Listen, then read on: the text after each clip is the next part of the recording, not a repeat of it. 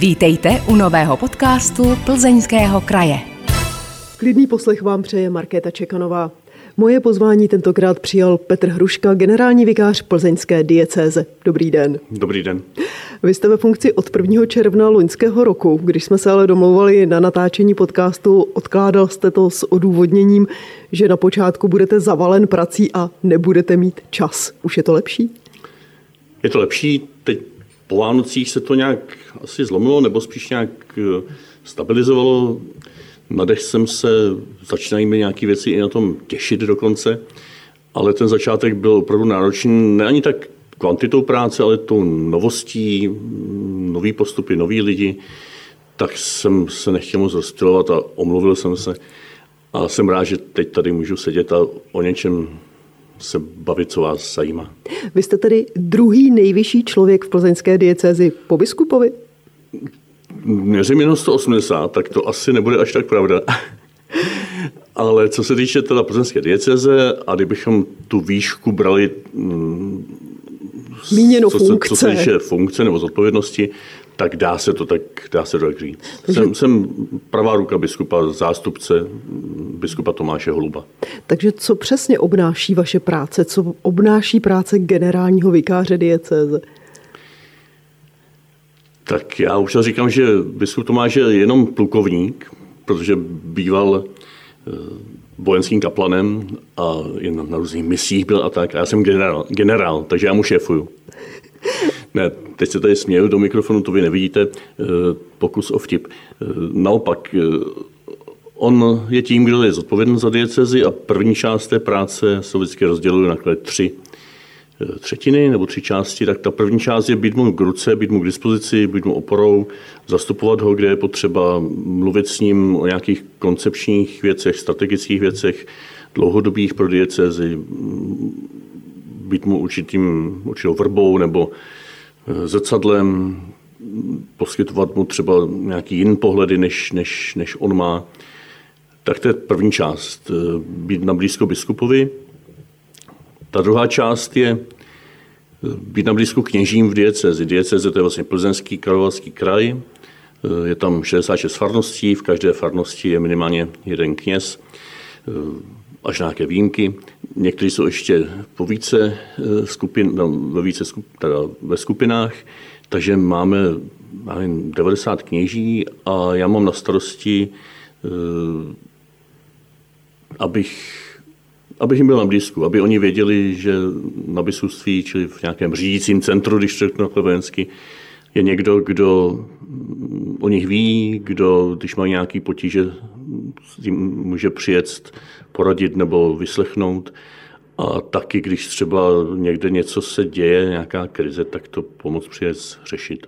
Taková druhá část, taková hodně výjezdová. A ta třetí je, že mám na starosti eh, několik oddělení na biskupství. Biskupství je vlastně takovou servisní organizací pro farnosti rozprostřené do těch dvou krajů. A tam jsou oddělení majetkové zprávy a právní oddělení a mm, kancelářství, to znamená takové jako administrativní centrum. A každý má svého vedoucího a já jsem vedoucí těch vedoucích. Takže mám na starosti takový malý podnik, servisní organizaci, abychom zvládali i takové ty materiální stránky eh, života církve, jako opravy kostelů, eh, fundraising, financování, eh, komunikace a tak dále. Takže jste spíš manažer nebo kněz?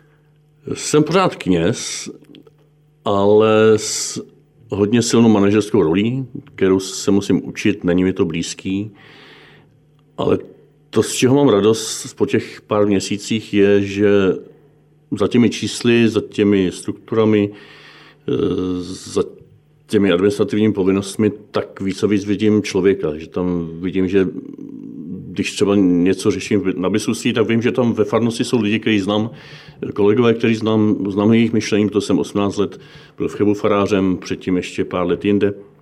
A, takže se do nich můžu vzít, vžít a dělat takovou spojku mezi tím systémem, strukturou a životem v těch farnostech. A to, to mi baví, je to pořád částečně vlastně pastýřská práce. Vy jste použil i slova strategie a koncepce. To jsou věci, které si umím představit do firmy, do neziskovky, do spolku, do politické instituce nebo třeba do kraje. Jak vypadá strategie nebo koncepce v diecézi? Tak diecéze nebo církev nebo církevní organizace jsou také neziskové organizace. Chtě nechtě jsme začleněni do současných běžných struktur eh, občanské společnosti, eh, což je dobře, že nejsme nějak spadlí z vesmíru, teda aspoň někdy, někdy se jeví, bohužel.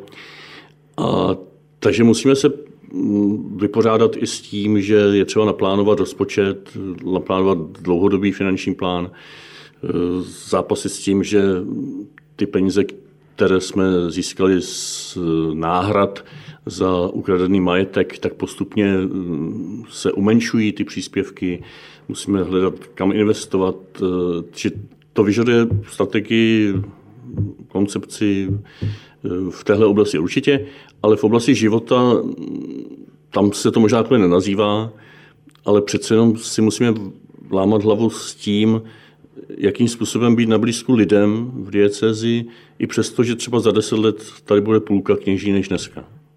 No to odhadují ty, ty počty, ale si musíme počítat s nějakým vývojem, který je odhadnutelný a připravovat se na to, že to musíme zvládat jinými prostředky. A to, tomu říkáme koncepce třeba hledání způsobu, jak být na blízko lidem i s těmi měnícími se podmínkami v dnešní společnosti. Máte nějaké cesty, cíle, strategie, taktiky, jak toho dosahovat? Asi jaké ty dlouhodobé směry, nebo to, na čem se postupně shodujeme, je, že nechceme za každou cenu každé farářské místo, které někdo opustí, třeba z důvodu smrti, eh, nemoci, odchodu z dieceze, tak eh, nechceme ho nějak uměle za každou cenu nahrazovat jiným knězem eh, nějak jako sehnaným, já nevím, z ciziny nebo, nebo nějak nedobře připraven na tu situaci, která je tady u nás v západních Čechách. A spíš začneme víc důvěřovat, že ti lidé, kteří se schází kolem nebo v církevních společenstvích, tak v sobě mají dostatek síly a dostatek lidského potenciálu, aby si mohli být navzájem, i přesto, že tam třeba nebude kněz.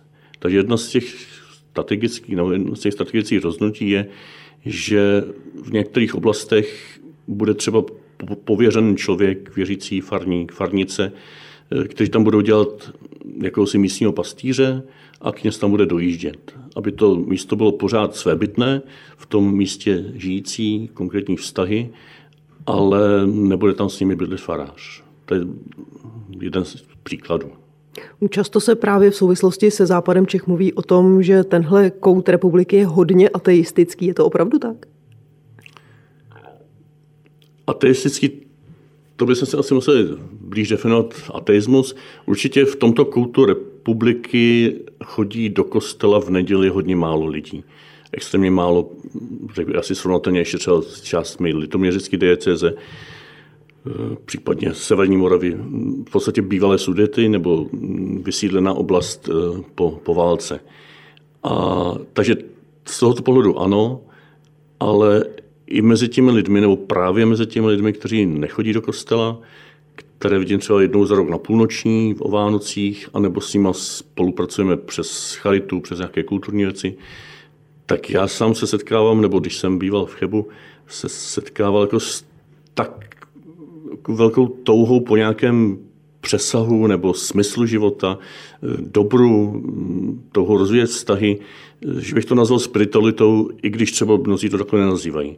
Jestli tito lidé jsou ateisté, takhle bych je nenazval. Protože ateista je ten, kdo popírá Boha, že jo? nebo popírá nějaký přesah ve svém životě. Takže ano, myslím, západ eh, naší, společ... naší republiky je necírkevnický, ale v mnohem, myslím, otevřený hlubším hodnotám až duchovním hodnotám.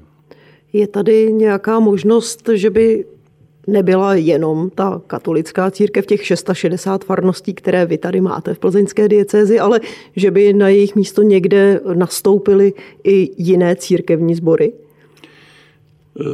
Nebo to je pro vás naprosto nepředstavitelné? Je to určitě představitelné. Určitě se tak někde děje. Asi je to málo, protože u nás v Čechách i na tom západě je katolická církev velmi často nebo až na nějaké výjimky nejpočetnější. Ale e, třeba zase, zase ta zkušenost v Chebu, tak tam žije nebo působí několik místních sborů církví a v různých oblastech různě působících. Třeba v oblasti práce s mládeží, tak e, Bratrská jednota baptistů, ta tam má dva sbory dokonce a někteří naši mladí lidé chodili k ním, protože tam to bylo živější a početnější. Jo, a víc jim to tam dávalo, pak se zase k nám nevraceli, ale jako, byli jako, jako obojetní.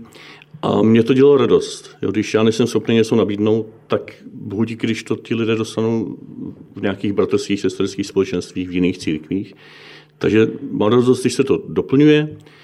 A dovedu si představit, že v nějaké obci tak třeba někde převáží počet evangelíků nad katolíkama a já na tím neplášu, protože si myslím, že Kristus je jeden a dneska až na nějaké výjimky osobní, tam mezi církvemi nejsou zásadní nepřátelství.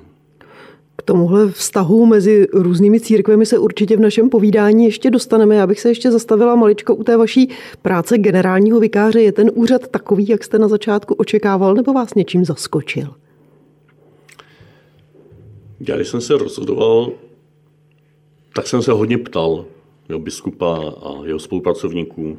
Nechal jsem si nějaký zásadní čas na, na rozhodnutí, jestli to přijmout, protože Tomáš za mnou přišel sice s velmi naléhavou prozbou, ale dal mi svobodu i to odmítnout. Jo. A tak jsem hodně dobře zkoumal, takže myslím si, že jsem se o tom předem dozvěděl dost, aby mi až nějaké zásadní věci nezaskočily, co se třeba náplně práce ale že bych denodenně mě překvapují takové souvislosti, že si říkám, jo, i tohle to tady nějak má souvislost s mojí prací, i, i tady bych nějak do toho měl vidět.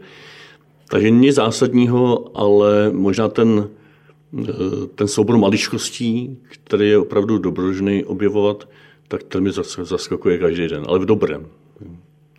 A možná ještě k tomu přidám jednu věc, že asi jsem nebyl úplně připravený na to, jak ten generální vikář spolu s biskupem vstupuje někde jako hluboce do eh, konkrétních vztahů ve farnostech, když je nějaká, nějaká bolest někde. Jo. Nechci nazvat přímo jako řešení krizí nebo průšvihů. Eh, spíš eh, takové to spolužití nebo doprovázení lidí na cestě z nějaké, z nějaké bolesti víc asi nemůžu být konkrétní, ale to je něco, co jsem, co jsem nečekal. Já jsem čekal, že to je jako z 90% úředničina, ale teď, přestože to jsou někdy bolavé věci, tak eh, mi nakonec dělá radost, že můžu být takhle na blízko životu. Posloucháte podcast Plzeňského kraje. Jeho hostem je generální vikář plzeňské diecéze Petr Hruška. Já bych se teď od vaší práce posunula k vašemu osobnímu životu, když dovolíte. Můžu jste... vás tady toho tématu něco zeptat taky? Povídejte. Říkal něco citát proti narození a smrti není léku. V mezidobí zachovej radost. zachovej radost. A vzpomínáte si, proč se na to ptám? Ne. V jedné SMS nebo mailu před 16 lety jste mi vy tento citát poslala jako odpověď na mé oznámení, když jsem vám posílal, že tatínek zemřel. Pan Luboš Hruška. A přesně k němu se chci teď dostat. Já jsem to tušil, tak jsem vás předběh. Takže jste prozradil, že jste syn Luboše Hrušky, politického vězně, který v Plzni vybudoval známou meditační zahradu. Jaké to bylo pocházet z rodiny, která nebyla zrovna s režimem na jedné lodi? Tenhle rozměr, já jsem si jako malý, mladý kluk vůbec neuvědomil jako něco zvláštního. Já jsem v tom vyrůstal, byl to takový jako milie, takový, takový prostředí pro mě přirozen. Spíš jsem nerozuměl spolužákům, kteří to měli jinak, jo, kteří měli rodiče třeba v komunistické straně nebo tak. Takže Třeba by to bylo normální. Táta měl spousta přátel také, jako dizidentů, že jo, a e, nějak proti režimě nastavených. E, spíš byl pro mě zvláštní potom asi, nebo svým způsobem náročný, i když pochopitelné, a já jsem to potom nakonec přijal, e, když jsem potom dospíval, dorůstal a táta už byl známý jako taková persona, že má meditační zahradu a že ten komunistický vězeň dával všude rozhovory, možná vám tehdy taky nějaký. A já jsem se s někým potkal a ten člověk říkal, jo, ty jsi ten syn pana Hrušky. Jo, já jsem vždycky byl ten syn někoho slavného. A v nějakém období jsem říkal, já nechci být syn pana Hrušky, já chci být kluk nějaký prostě sám za sebe. Ale to byl jenom takový záchvěv eh, nějakého neladu. Eh, jinak, když jsem potom, když táta zemřel, eh, tak možná jsem si uvědomil druhou takovou neúplně jednoduchou stránku té jeho veřejné persony v tom, že já jsem s ním hodně mluvil, on taky se mnou mluvil často o těch vzpomínkách z kriminálu, o tom, co třeba na meditační zahradě vyprávěl lidem. A teprve, když zemřel, a byla tam velká prázdnota, mamka zemřela pár měsíců před ním, tak jsem si říkal, teď já jsem se ho nezeptal tady na to a tady na to, nějaký obyčenský věci, jo, kdy se prvně zamiloval, nebo jak, jak prostě to pro ně bylo lidsky, ne tak jako společensky, jako persona. A tak to byla taková trošku asi odvrácená stránka toho vyrůstání se, se slavným tátou. Jinak na svý dětství a mládí vzpomínám jako na hodně krásnou etapu svého života. Pomáhal jste vlastníma rukama budovat zahradu? To nevím, jestli jste od někoho slyšela, že vám bonznul, že jsem hrozně nerad pomáhal budovat zahradu. Já vždycky vyprávím, že jsme tam se sestrou Janou, je o dva roky starší sestra, eh, dneska Jana Tědehlová, tady taky v Plzni. Teď jsme zrovna byli na telefonu před chvilkou, tak eh, jsme tam seděli na zemi nebo v, jako v hlíně v takovém dlouhatánském záhonu, kde byly maličké rostlinky eh, podnože, tam táta rouboval potom ve skleníku ty okrasné dřeviny a my jsme to museli plít. A mě to tak nebavilo, taková jako nímračka.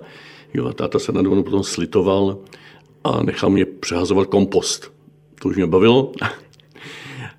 Ale nejvíc mi potom asi bavilo nějak eh, mít spoluúčast, to nebyla velká pomoc, spíš jako být u toho, když se tam začaly vozit velké pískovcové sochy, tam je křižová cesta Romana Podrádského a když tam jezdili ty velké nákladáky s těma s, tím, s těmi jeřábama, aby to přeložili, pak přes rybník se tam jedna překládala, máme to spadlo do rybníka. To byly takové dobrodružné zakládající časy a já už jako dospívající, tak eh, jsem mohl být u toho. Tak to mi bavilo. Takže byla etapa, kdy jste tu zahradu hodně neměl rád?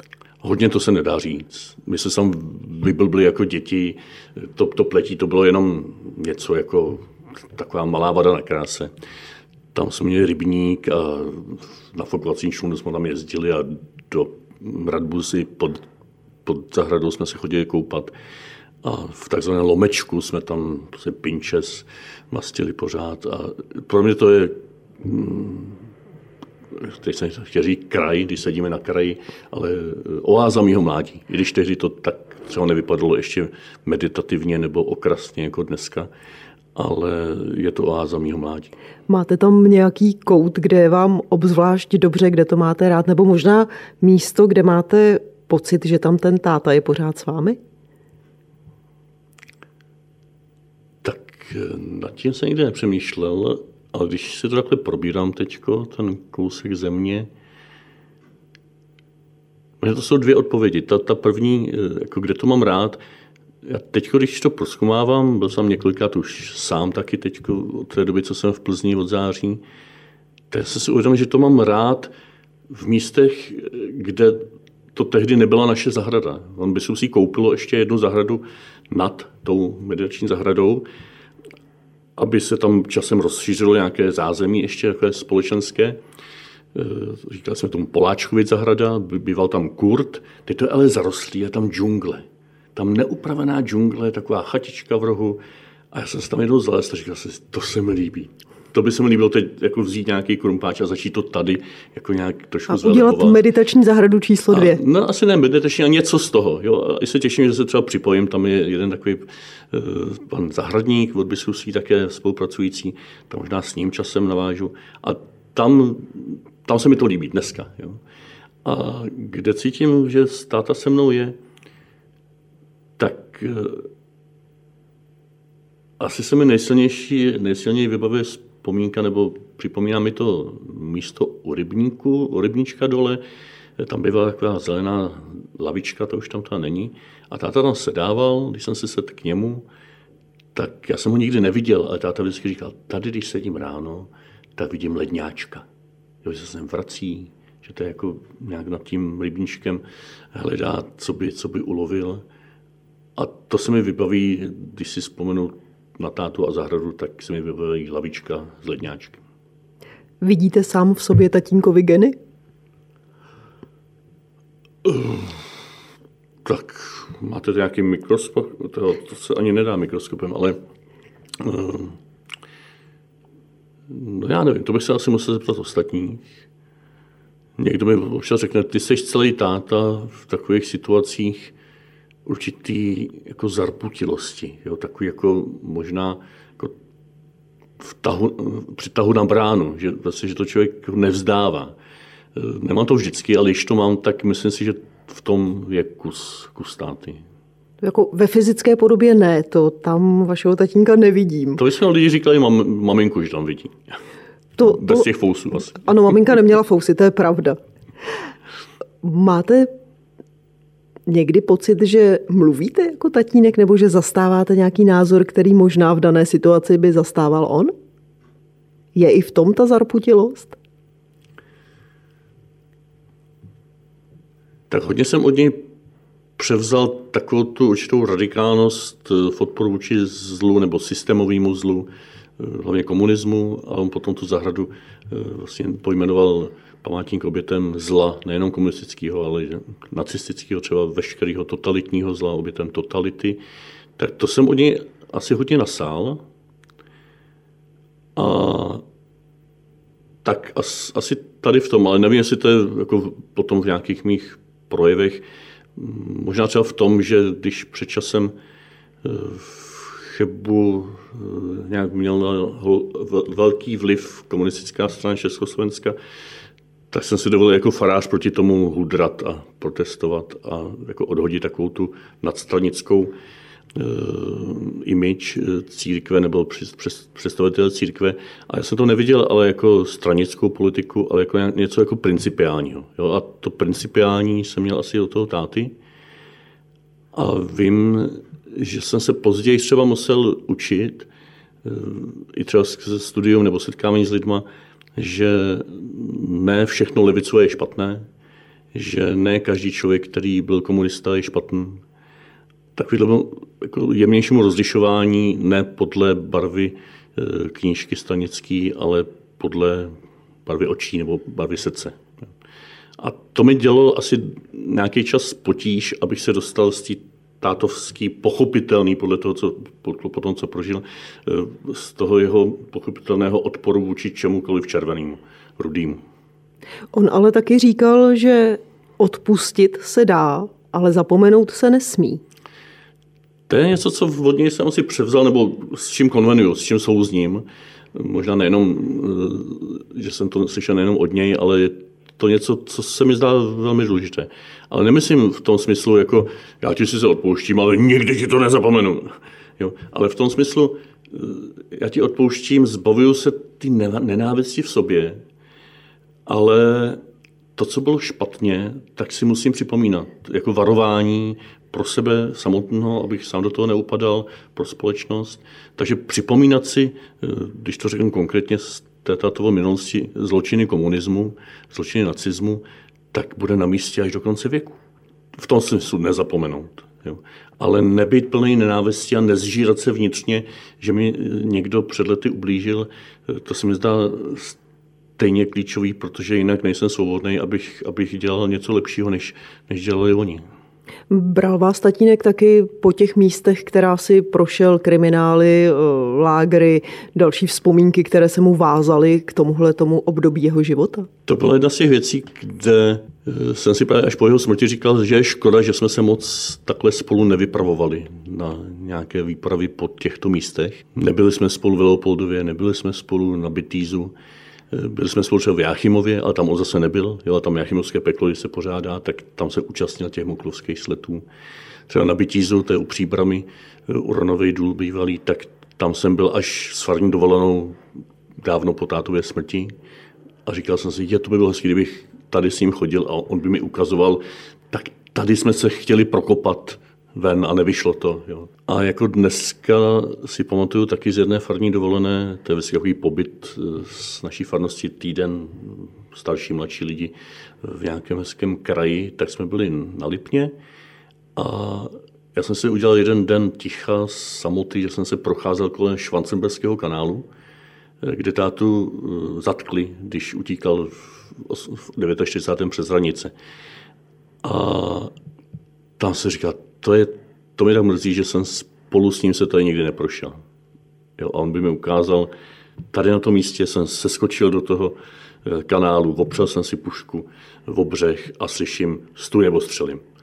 A teď jsem se rozhodoval, jestli vzít tu svoji pušku a zkusit teda ještě se bránit s rizikem, že buď budu zastřelený, nebo já zastřelím jeho, což jsem nechtěl, anebo ji tam nechat. Jo, to, to jsme vyprávěl, ale na tom místě, kde se dostalo, jsem byl až sám potom.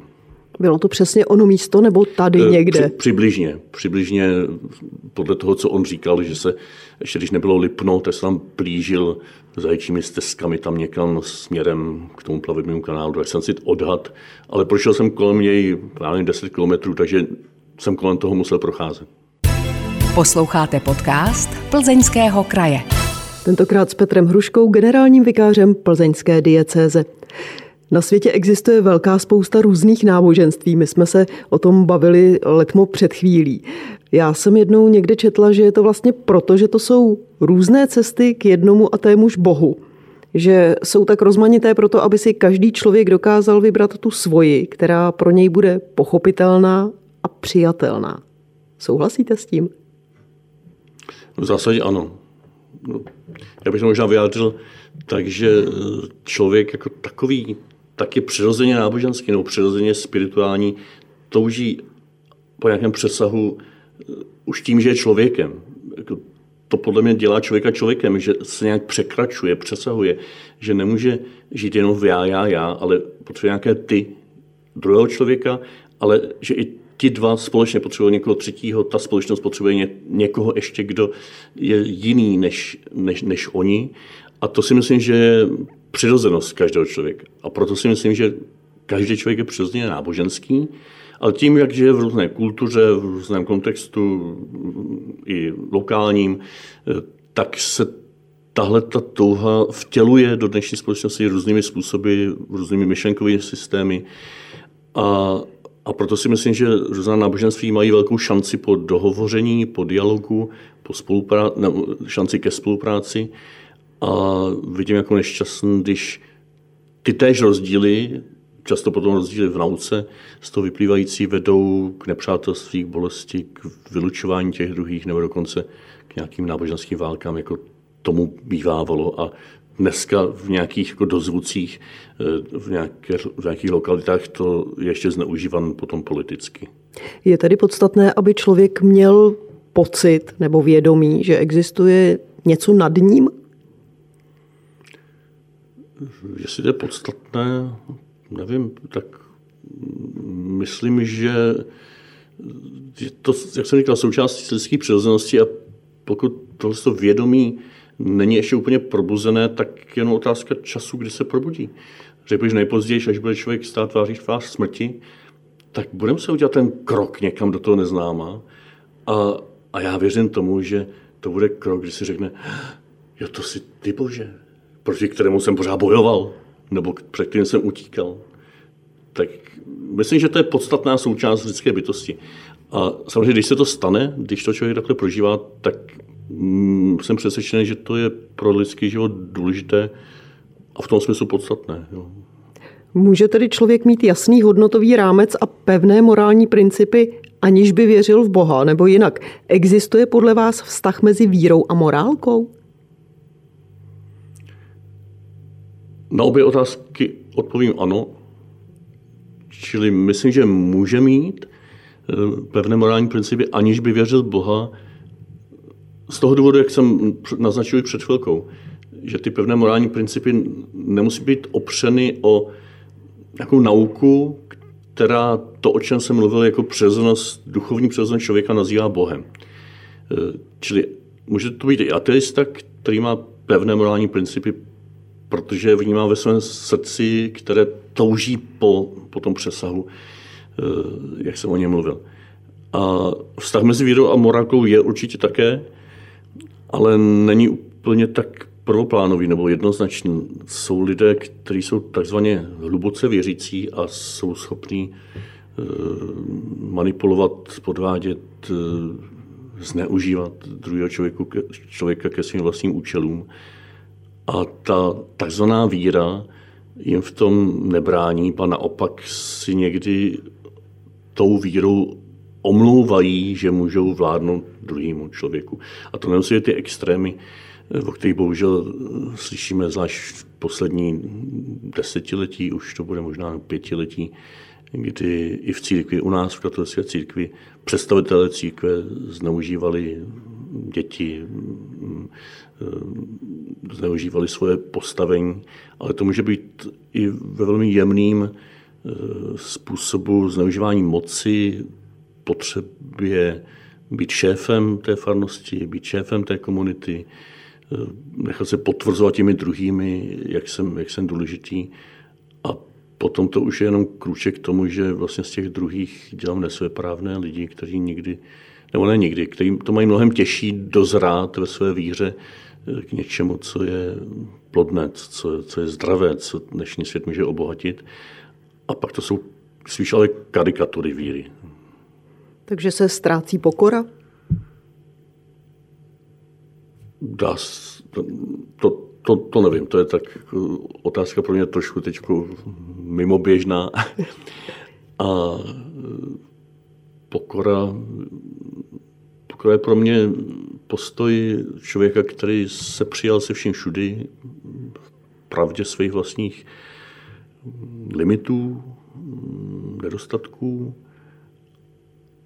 a bohužel v těch situacích, o kterých jsem mluvil, se mi zdá, že ten člověk spíš než že ztratí pokoru, tak on ztratí soudnost, ztratí eh, schopnost sebereflexe, ztratí schopnost nahlídnout, že to, co on vnucuje druhým jako dobro, takže vlastně škodí, ubližuje a nepřispívá k tomu, co jeho víra nebo aspoň nauka o víře vlastně hlásá.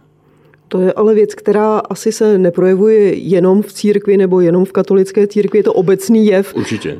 Takových spasitelů mám někdy pocit, nám přibývá v poslední době. Je to obecný jev, eh, ale bohužel jako ta struktura církve někdy asi, tak jak za leta se vyvinula, může tomuto obecnému jevu jako přikládat eh, polínka pod pod kotel. Jo, že ta pyramida, hierarchická struktura, ta posvátnost toho kněžského úřadu eh, tomu ještě přidá nějaký takový ten posvátný charakter a to zneužití moci se potom natře na, na zbožno. Ale jinak eh, dneska ve společnosti to se s tím člověk setkává samozřejmě všude možně. Spousta lidí se domnívá, že Bůh nám má zařídit, abychom se měli dobře, abychom nebyli nemocní, abychom měli práci, abychom měli peníze, majetek. Bavili jsme se o vašem tatínkovi a jeho osudu, který je důkazem toho, že to tak vůbec není, že člověka můžou potkat hodně špatné věci a přitom nestratí víru v Boha a asi ho ten Bůh neopustil, eh, respektive, že to tedy všechno je úplně jinak.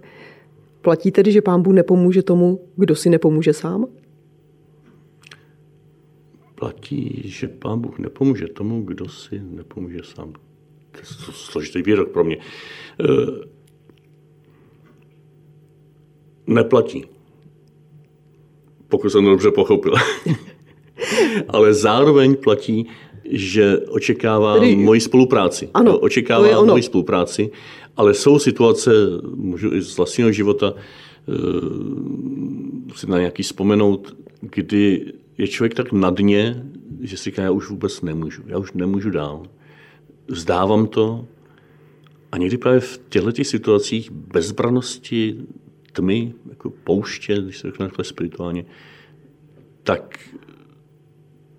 můžeme zakusit, že se najednou otevře něco, v čem vidíte, že to je jako čistá milost, zdarma darovan, jo, že to není výsledek vaší předchozí snahy. A proto jsem řekl, neplatí. Jo, že Bůh jako někdo, kdo nás přesahuje, kdo má s náma ohromně hluboký osobní vztah, až tak osobní, že ho často nevidíme, nevnímáme, je součástí našich životů, takhle právě jako zevnitř nám často pomůže překročit naše vlastní síly. Ale proto, aby nás pozval, ale pojď a teď jako přidej se, jo, přidej se s tou svou schopností, s tou svou schopností racionálního myšlení, nebo, nebo makat rukama, nebo běhat nohama. Já tě v tom potřebuju, nebo aby jsme tady ve světě společně něco dokázali, tak tě potřebuju celýho.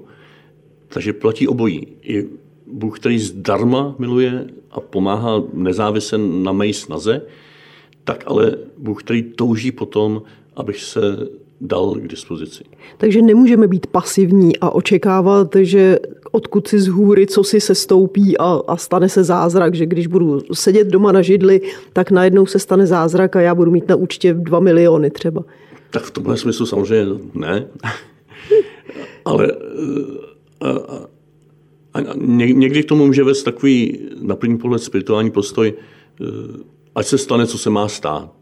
Jo, že vlastně člověk tak nějak upadá do určitě pasivity tím, že až, teď jsem chtěl říct přehnaně, ale spíš možná jako podivně nebo nezdravě e, se spolehá na to, že to je všechno v božích rukou a, a ustupuje, ustupuje do pozadí. To je trošku jiná pasivita, než o které jsem mluvil před chvilkou, protože ta křesťanská pasivita, taková spíš jako receptivita, jo, otevřenost, tak už sama o sobě e, předpokládá, nebo sama o sobě touží po pozvání dál, dává se k dispozici.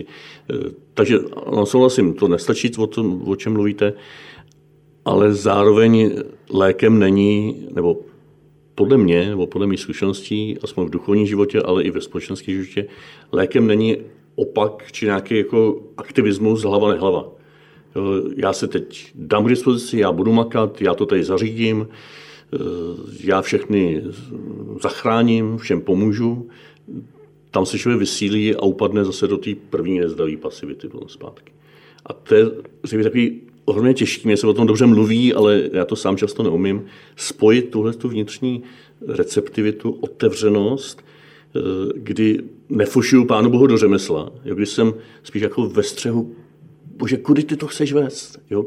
Kde můžu napřít svý síly? Ale ty mi to napřed ukaž, ty mi r, r, otevři nějaké dveře, ty mi rozšiř, rozšiř nějaký obzor, který jsem teďka neviděl a zároveň potom být ochotný, když se to stane, nebo zároveň, když se to stává, být k dispozici a jít tam, i když si nejsem úplně jistý, že to je ono. Jo, riskovat, že musím udělat pár kroků, aby zjistil, jestli opravdu eh, tudy eh, ten život teče a když řeknu zbožně, tudy mě Bůh vede. Přesně tudy se ubíraly vaše myšlenky, když jste dostal nabídku být generálním vikářem plzeňské diecéze? O, no, nevím, jestli přesně tudy, ale bylo to něco v tom smyslu. Tohle jsou není role, do které by se člověk hnal, nebo by tam posílal žádosti a dělal konkurzy a předháněl se s těmi, kdo to chtějí taky. Ani, ani to není něco jako nějaká, nějaká role za odměnu, nebo jo, že, že to je nějaké privilegium, nebo že tím je člověk vyznamenaný. Je to spíš taková zvláštní pozice, být hodně v pozadí. To, že tady jsem teď mluvím do rádia, tak je spíš výjimka. Jo? Jako biskup je tváří dieceze. Takže když jsem se tady o tom rozhodoval, tak jsem říkal, no, pane bože, to ne, tudy, tudy moje cesta není, já to neumím. Já jsem tady byl leta farářem, já jsem byl tu tváří farnosti, mně se nechce někam úplně jako zalezat eh, do pozadí, což nebylo ale asi to hlavní, ale nechtěl se mi zalezat do kanceláře, jo, za ten štos papíru a za ty razítka. Potom jsem si nechal nějaký čas na rozmyšlenou. Ve mně se to nějak otevřelo velmi tiše eh, do takového postoje, asi se to dovedu představit a zkusím to, zkusím tomu Tomášovi říct ano a vypočtu mu všechny možné ale, jako proč si myslím, že to nepůjde. A když je přežije, když ty ale si sám jako zodpoví, že i přesto eh, si myslí, že to půjde, tak, tak budu k dispozici. No a on, on si to zodpověděl, zodpověděl tak, jako, že i přes všechny ty moje námitky to viděl jako dobrý. A já teď po tom půl roce, jak už jsem asi říkal na začátku, to vidím taky jako dobrý i když, když to uslyší chebáci, mý farníci z Chebu bývalí, tak prosím vás, to neznamená, že se na vás zapomněl a že mi s váma nebylo dobře těch 18 let. Tak já vám přeju, ať se vám v nové funkci daří a ať to není jenom utrpení v kanceláři za horou papíru a razítek. Hostem podcastu Plzeňského kraje byl tentokrát generální vikář plzeňské diecéze Petr Hruška. Děkuji moc, bylo to moc milé setkání i s váma. Vážení posluchači, pokud máte ve svém okolí někoho zajímavého, koho byste také rádi slyšeli jako hosta podcastu Plzeňského kraje, dejte nám o něm vědět. Stačí napsat na e-mail podcasty zavináč plzeňský kraj.cz. Těší se na ně Markéta Čekanová. Díky za to, že jste poslouchali tento podcast. Připomínáme, že všechny podcasty Plzeňského kraje najdete také na stránkách Plzeňského kraje www.plzeňský-kraj.cz, na krajském Facebooku, YouTube nebo Spotify, Apple podcastech a podcastech Google. Aby vám neutekly další díly, nezapomeňte nás sledovat nebo si přihlásit odběr, ať už nás sledujete nebo posloucháte kdekoliv. Těšíme se v příštím dílu naslyšenou.